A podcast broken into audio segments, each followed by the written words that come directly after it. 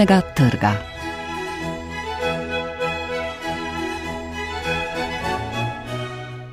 Dobar dan, zbirka pesmi Braneta Mozetiča, aktivistovi zapisi, kratka proza Miše Gams v kraljestvu Minotaura, eseji Marcela Štefančiča, kaj ne vidite, da gorimo, in zgodovinsko delo Staneta Grande, pot v samoslovenstvo, to so knjige, ki nas čakajo v današnji oddaji. Recenzije so napisali Matej Bogataj, Andrej Lutman, Marija Švajcer in Istok Ilih.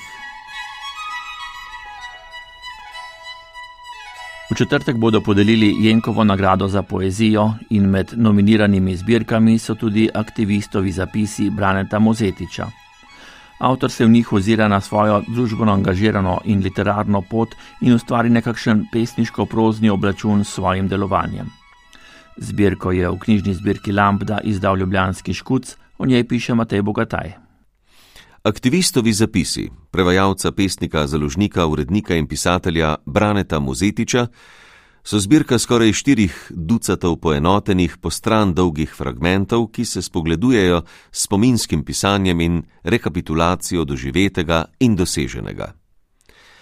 Pokazati poskušajo korake in postaje na avtorjevem 40 letja trajajočem angažmaju za pravice skupnosti istospolno usmerjenih.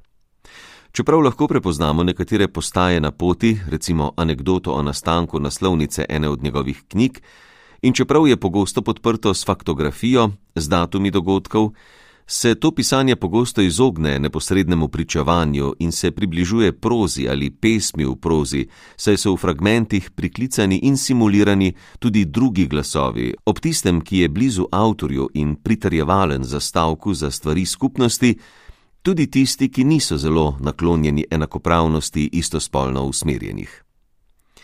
Iz Mozetičeve zbirke veje grenko razočaranje, saj kljub ustrajnemu ozaveščanju javnosti in predvsem tistih z zadržki in predsotki, kljub parlamentarnemu in ustavnemu posodabljanju zakonov in definicije družine nasprotnikov enakosti nikoli ne zmanjka. Enkrat se sklicujejo na svetopisemske navedke, ki jih ni in izpadejo ignoranti glede knjige knjig, ali pa prenapeteži in brihte vzamejo stvari v svoje roke in je v knjigi tudi niz opisov brutalnih fizičnih napadov na lokale, zbirališča in posameznike, ki so se izpostavili, po napadih pa pravičnost za žrtve praviloma umanka, kar seveda pritrjuje občutku, da je skupnost zapostavljena in odrinjena na rob. Tako ne preseneča, da se Mozetičeva zbirka aktivistovi zapisi začne in konča nekoliko resignirano. Uvodni zapis opisuje pospravljanje stola, na katerem je sedelo nepreštevno število pomoči in nasvetov potrebnih, očitno gre za zadnje slovo od pisarne, ki je služila kot prostor za načrtovanje različnih aktivnosti in za svetovanja, in ki zdaj zapira svoje delovanje in čaka nove sile, da bodo prevzele obrambno linijo. Vse to je imenitna priložnost za pogled nazaj na prehojeno pot, na uspehe in včasih tudi neuspehe aktivizma.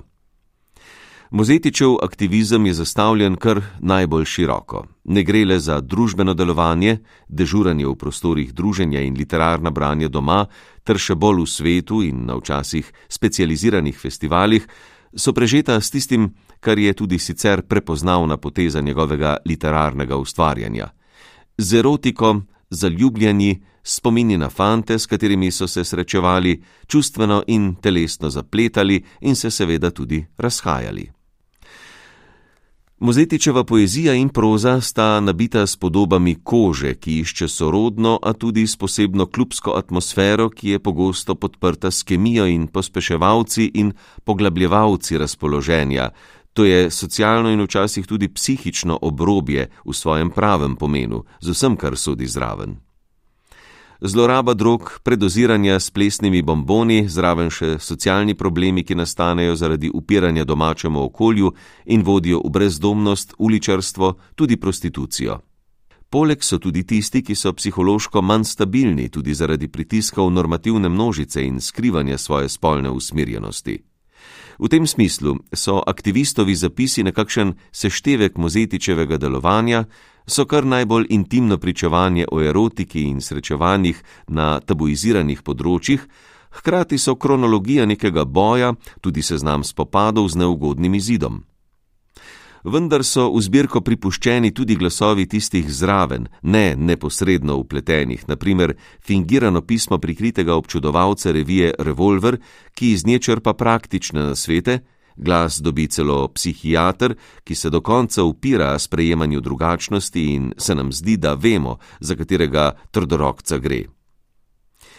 Vse to pa Muzetič izpisuje z rahlo nostalgijo in časih ščepcem resignacije, ki je za njegovo prozo in poezijo v zadnjem času morda sploh značilna, predvsem pa jezikovno okretno.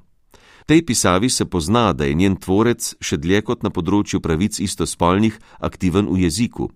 Prevajalec nekaterih težkih pesniških opusov ali njihovih delov, tako da so aktivistovi zapisi delno ritmizirani, Pogosto je ponavljanje, ki deluje kot zaklinjanje in hkrati opozarja, da je ob nenehni ofenzivi druge strani včasih sicer mučno, vendar potrebno ponavljati ene in iste stavke in se z njimi braniti pred enimi in istimi iz prstov izsesanimi predsotki, ki imajo sami sebe za argumente. Mozetičev aktivizem in zastavek ostalih aktivistov je ne nazadnje omogočil, da nekateri javno izpostavljeni pripadniki skupnosti istospolno usmerjenih v zadnjem času pišejo literaturo, ki kaže, da je istospolna ljubezen kot vsaka druga izpostavljena staranju in obrabi, zato to lahko počnejo bolj duhovito in samoironično.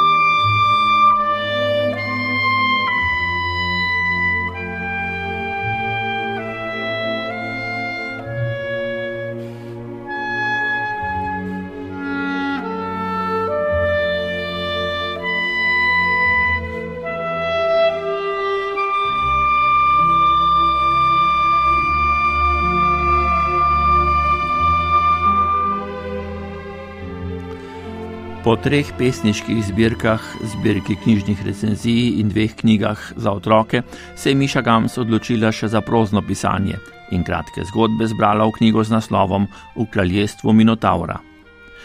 V njih se odziva na vsem znane situacije v družbi, a protagonisti jih včasih preženejo skoraj do absurda. Knjigo je izdal zavod Volosov hram, interpretirajo Andrej Lutman. Na slovenskem je dobro znan naslov v kraljestvu Zlatoroga. Beseda Zlatorog je občasno pisana z veliko, občasno pa z malo začetnico. Zlatorog je vsekakor lik iz pravljic oziroma pripovedk, s katerimi si vsakdo lahko krajša ali tudi daljša čas. Kdo pa je Minotavr? Tudi Minotavr je lik iz zgodovine in pripada antični mitologiji. O tem liku se je v času, ki ga beleži zgodovina, nabralo precej zgodb in pomenov ter uprizoritev. Miša Gams je ta lik uporabila v eni izmed svojih zgodb. Glede na to, da je na knjižnem ovitku predstavljena tudi kot samostojna performenka in knjižna recenzentka, je nekako samoumevno, da je naslovnemu liku dodala tudi svoje pomene. Kakšni vse so takšni pomeni, pa naj ne bo razkrito, saj se njeno pisanje zlahka približa uvrstitvam, poimenovanim žanri ali vsebine true crime, ki obravnavajo resnične zločine. Za ponazoritev tovrstnega približevanja naj služi odlomek iz zgodbe Razgovor. Lepo bi bilo deliti pasje življenje s kakšno samico človeške vrste, si je mislil, ko so se odprla vrata, ki so ga ločevala od canske službe in fatalne ženske, a skozi njo ni stopil bledi delavec, temveč je za njim stala prav tista fatalka, ki mu je po vsej verjetnosti speljala službo. Odlomek je sicer milejša oblika prikazal za ostrovanja med liki, saj je bralstvo že uvodoma upozorjeno, da se srečuje simulakri resničnostnih šovov, to pa je oznaka, ki meji na bizarnost. Bled delavec in fatalka sta par, kakršen je tudi pes in samica človeške vrste. Liki v zgodbah Miše Gams so pač ekstremitete, da zadostijo likom, s katerimi je identifikacija nekoliko težja, a nikakor nemogoča.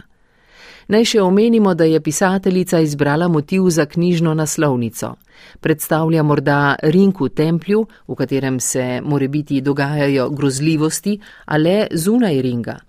Čemu ta omemba? Mnoge izmed zgodb so namreč priredbe že znanih zgodb, so njihova franšiza, njihovo nadaljevanje, nadgradnja so ne nazadnje njihov labirint oziroma blodnjak. Tudi Zlatorok se je podil po hribih in vršacih, preprečeval življenje ali ljubezen, a tudi zdravil. Minotaver v knjigi Miše Gams pa v vsaki zgodbi preži latentno oziroma suspenzno. Bralstvo ta lik na način sfinge sprašuje, kako ubežati zgodbi, kako pisati zgodbe in jih tudi dokončati, kako doseči, da bo zgodba, ki je že znana, podoživeta prevzela in znova očarala. V spremnem besedilu urednika Roberta Titana Feliksa je mogoče najti kakšen odgovor. Eden bi bil naslednji. Prepogosto pozabljamo, da ljudje nismo substancialna, ampak relacijska bitja in da smo v vsakem trenutku samo tisto, kar nas tisti trenutek določa.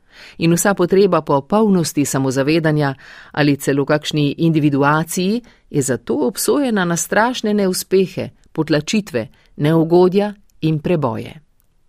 Liki oropani prizemljenosti, preobremenjeni z odnosi in hipnostjo, so nosilci skrajnosti, v kateri se seveda ne znajdejo, pa obstanejo kot zlatorok pred prepadom ali minotavr z malo začetnico. Podružbljanje književnih likov pa je območje tistega mejnega, ko kriminalka postaja kriminaliteta v statističnem smislu. Literatura pa agenda vrhunske pismenosti, pa če tudi je namenjena skrajševanju časa. Simulakri Miše Gams sodijo mednje.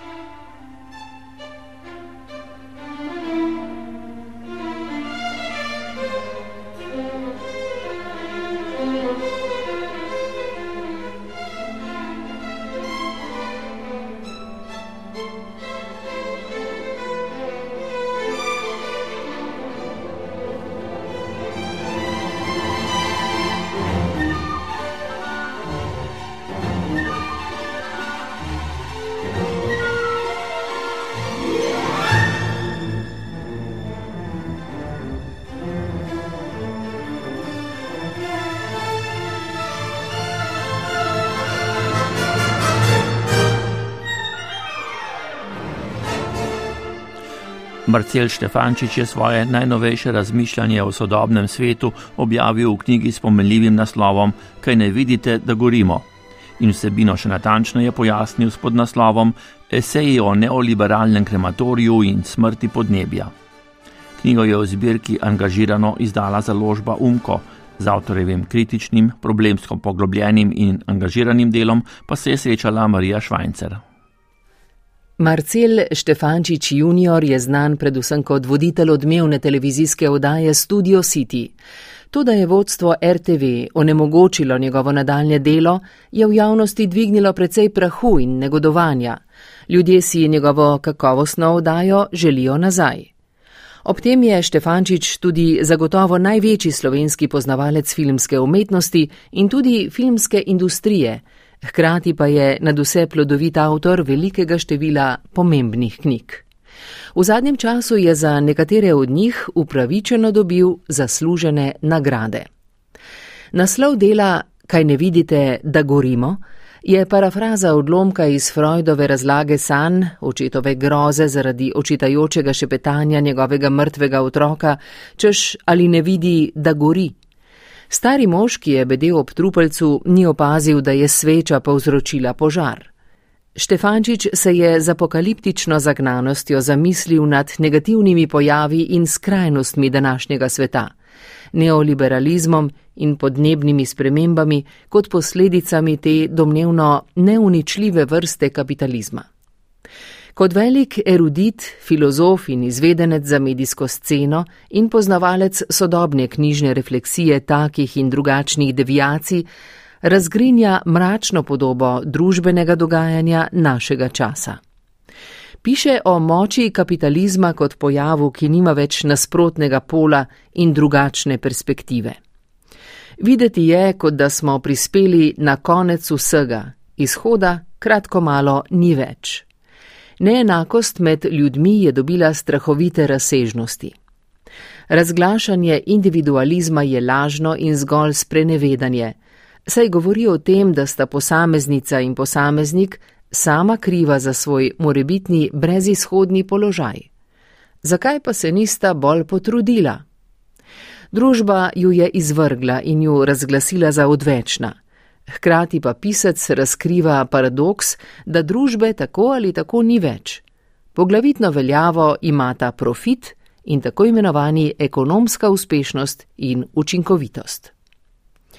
V odlično napisanih esejih v knjigi Kaj ne vidite, da gorimo, Štefančič tu in tam v literarnem slogu opisuje stisko človeka našega časa, njegovo stresno življenje ter doživljanje ponižanj, negotovosti in strahu pred tistimi, ki mu režejo kruh in ga vse čas nadzorujejo. Slikovito piše o novih in novih oblikah izkoriščanja, potiskanju ljudi na sam rob in bogatenju peščice izbrancev oziroma samopašnih elit. Še vedno divja vojna, grozi nam virus, narava je oskrunjena. V esejistovem pisanju prevladujejo spoznanja, da je naš svet grd in umazan. Volterov kandid je doživel njegove strahote a je v nasprotju Štefančičem in pod Leibnicevim vplivom še vedno zatarjeval, da je to najboljši od vseh možnih svetov. Ali Marcel Štefančič junior ponuja kak izhod? Ne gre prezreti, da o etičnih vrednotah govori naravnost, tako o solidarnosti, enakosti, altruizmu, kot tudi o svobodi in kolektivnem sodelovanju. Vendar pa dvomi, da bi bila upor in revolucija uresničljiva. Na protestih se lahko zgodi, da množico, ki se vzdigne proti krivicam, raženejo z vodnim topom in souzivcem, ali pa represivni organi vstajnikom celo strežejo po življenju. Ne gre samo za to, o čem piše avtor in kaj napoveduje, temveč vzbuja pozornost tudi s tem, kako vse to zapisuje. Njegov slog je razgiban, besedni zaklad izvrsten in pravorozen, ideje kar vrejo iz njega. Povzema tudi stališča sodobnih teoretikov in publicistov, tudi poglavitna so njegova izvirna kritična spoznanja in opozarjanje na številne pasti, ki jih nastavljajo oblastniki. Morda bi jih nekoliko anahronistično imenovali voditelji vladajočega razreda, tako poimenovanje pa bi bilo za časom zato, ker nasprotnega pola, podrejenega delovskega razreda oziroma proletarjata v pravem pomenu besede ni več. Obstajajo le še prekarci in podobni ljudje brez pravic in zaščite, osebe, ki životarijo in delajo v nenehni negotovosti. Štefančičevo besedišče je izjemno bogato. O krivicah piše prizadeto in empatično, in to pogosto v prvi osebi množine, čeprav pri malverzacijah, ki jih razkriva, sam zagotovo ni bil zraven razgalja pojavne oblike zla in zahteva uresničitev njihovega nasprotja. Prav dobro ve, kako pomembna je demokracija, to da ne preostane mu drugega, kot da več besed namenja njenemu nepriznavanju, izginjanju in nemoči pred obličjem kapitalizma. Razgalja novo avtoritarnost, populizem, represijo in nevarnost fašizma. Opisuje brezobzirno poseganje v naravo, posledice podnebnih sprememb, smrtonosne požare in uničujočo sušo. Kaže podobo novega življenjskega stila, ki ga je povzročil koronavirus. Ljudje so se umaknili v mehurčke, tudi avtor opozarja, da so v njih prisilno tičali že prej. Sodobni svet in njegovo grozljivo podobo Štefančič doživlja, kot bi gledal kak film, porajajo se mu tudi asociacije iz literarnih del v spremljanje kaotičnega sveta vnaša svojo široko filozofsko vednost. Po branju Štefančičevega pesimistično napisanega dela Kaj ne vidite, da gorimo, skušamo ohraniti vsaj kanec upanja, da oris apokalipse prevladuje nekje drugje, v velikem in oddaljenem svetu. V Sloveniji pa naj bi bilo vendarle nekoliko drugače, manj črno in brezupno. Seveda smo v marsičem odvisni od drugih, tudi ni še vse izgubljeno. Morali bomo še veliko postoriti. Nekaj se nam bo vendarle posrečilo. Tudi avtor pravi, da imamo socialno državo in da neoliberalcem še ni uspelo razdajati dežnika, ki nas varuje pred koncem sveta. Thank you.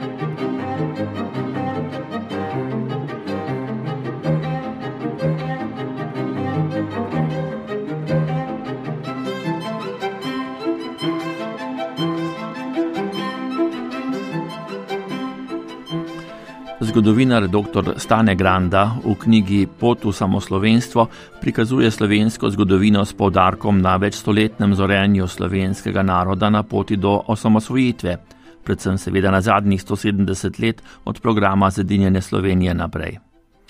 Knjigo je izdala založba Družina, predstavljajo isto kilih. Zgodovinar Stane Granda je obsežno študijo Pot v samoslovenstvo podnaslovil prva osamosvojitvena zgodovina Slovenije. S tem ni imel v mislih priprav in poteka osamosvojitve Slovenije leta 1991, temveč znane in tudi manj znane dogodke in dosežke prednikov stoletja in tisočletja predtem. V mozaike, ki so se polagoma sestavljali do 21. stoletja, je vključil tudi dejanja osvajalcev in vladarjev, učenjakov in umetnikov, redovnikov in upornikov, o katerih so se ohranila različna pričevanja. Mnogi po današnjem razumevanju sicer niso bili slovenskega rodu, a so neredki, večkrat poudarja Granda, uporabljali tudi slovenščino svojega časa ter prispevali k oblikovanju kulturne in duhovne podobe življenja na ozemlju v srednjem veku skoraj trikrat obsežnejšem, kot ga naseljujemo današnji slovenci. Avtor je že v uvodu kritičen do prevladojočega zgodovinopisja in osamosvojitve kot uresničitve tisočletnih sanj.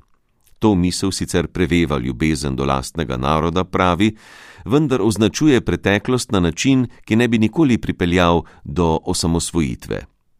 Slovenska preteklost zanj ni zgodovina suženstva in hlapčevanja, ampak način preživetja, ki nas je pripeljal do največjega dosežka v zgodovini. Nasprotuje tudi prepričanju, da so nam v zgodovini vedno grozile nevarnosti, zlasti od številčnejših sosedov, ob pomoči narodnih odpadnikov, ki jim je slovenstvo vzbujalo občutek manj vrednosti in drugorazrednosti. Toda desetletje življenja v samostojni državi, poudarja Granda, dokazujejo, da so njeni najmočnejši nasprotniki znotraj nas in del nas. Tudi NOB je naša zgodovina, vendar je njeno vodstvo v spredje postavljalo revolucijo, boj za povojno oblast, ne pa samostojne Slovenije. Vse, kar se je na našem ozemlju dogajalo in vsi, ki so bili z nami tako ali drugače povezani, so del naše zgodovine, je eno ključnih avtorjevih izhodišč. Tako neandertalčeva koščena piščal in leseno kolo enoosnega vozila koliščarjev, kot nadaljevanje v bronasti in železni dobi s kaštelirsko kulturo in romaniziranimi kelti, priča o gospodarski in duhovni odprtosti prostora, kar je, poudarja, še eno temeljnih sporočil vse naše preteklosti. Še preden so v ta prostor v šestem stoletju prišli Slovani, je ob delitvi rimske države, po odločilni bitki na naših tleh, njegov največji del pripadal zmagovitemu zahodnemu delu, kar nas je oddaljilo od Bizanca in dolgoročno povezalo z zahodnoevropsko kulturo. Rimsko obdobje našega prostora, izpostavlja Granda, je prineslo kulturo pisane besede, kar je največji prelom s prazgodovino. Naši predniki so tako naselili kulturno-zgodovinsko bogato pokrajino, kar je zelo vplivalo na naše materialno in duhovno oblikovanje. Ko seže v srednji vek, avtor ugovarja zgodovinarjem, ki skušajo narediti prelom s karantanijo, jo razsloveniti, kar je, kot pravi, popolno ignoriranje narodne zgodovine in odrekanje pravice do izražanja interesa za rojake zunaj državnih meja, zlasti korošce, ki imajo ključne zasluge za nastanek in oblikovanje slovenskega političnega programa leta 1848, temelja slovenske osamosvojitve. Program Združene Slovenije še povdarja, je postal politična obveza za vso slovensko politiko, ki pa tej nalogi še dobrih 140 let ni bila kos. Številna literarna dela nastala v srednjem veku, v latinskem, nemškem in italijanskem jeziku na naših tleh, so prav tako del naše kulture, vendar tudi slovenski jezik ni bil izključen iz družbe. Vemo, dodaja Stane Granda, da so ga uporabljali mnogi visoki plemiči. Še globlji vpliv na naš kulturni razvoj so imeli benediktinski, cistercijanski in kartuzijanski samostani, ki so upravljali družbeno vlogo, kakršno so drugot imela mesta. Prav tako daljnosežna je bila razdelitev ozemlja na območji Salzburške načkofije severno in oglejskega patriarhata južno od Drave. Prav škofije in samostani, povdarja avtor, so bili eden od predpogojev za nastanek višjega šolstva in više kulture nasploh. Iz naše zgodovine prav tako ni mogoče izključevati plemiških rodbin z njihovimi grbi in simboli, od Španhajmov in Andeških, prek Goriških in Turjaških do Celjanov. Tudi Habsburžanom ni mogoče pripisovati slovenofobije ali ignorance do slovencev, sploh ne take pod črta Granda, kot sta jo pokazali obe Jugoslaviji. Samo slovenstvo iz naslova knjige je po Grandi prepričanje, da sta slovenski narod in Slovenija kot njegovo ozemlje samostojen subjekt, ki ima neutuljivo pravico do suverenosti, da vsako zan pomembno ali usodno odločanje izhaja iz slovenskih interesov, tudi in zlasti takrat, ko se odloča o slovenskih povezavah z drugimi narodi. Ker je z zlomom Avstro-Ogrske slovenska politika izgubila svojo slovenskost in postala v škodo slovenskih interesov bolj ali manj jugoslovanska, in ker je bila v času po osamosvojitvi tudi samoosvojitvena misel razmeroma slabo raziskana, se je Stane Granda namenil prispevati svoj pogled na njene zgodovinske korenine in današnje stanje. V knjigi spremno besedo Janeza Šumrade na koncu svoje povedo tudi portreti s kratkimi predstavitvami slovencev, ki so po avtorjevem prepričanju najzaslužnejši za osamosvojitev in druge izbrane dokumentarne ilustracije.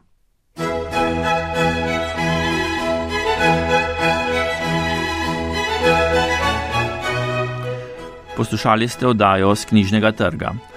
Recenzije Mateja Bogataja, Andreja Lutmana, Marije Švajcer in Istoka Iliha sta prebrala Maja Mol in Matjaš Romih. Glasbo je izbral Marko Šetinc, oddajo je posnel Blaškom še, uredil sem jo vlado Motnikar.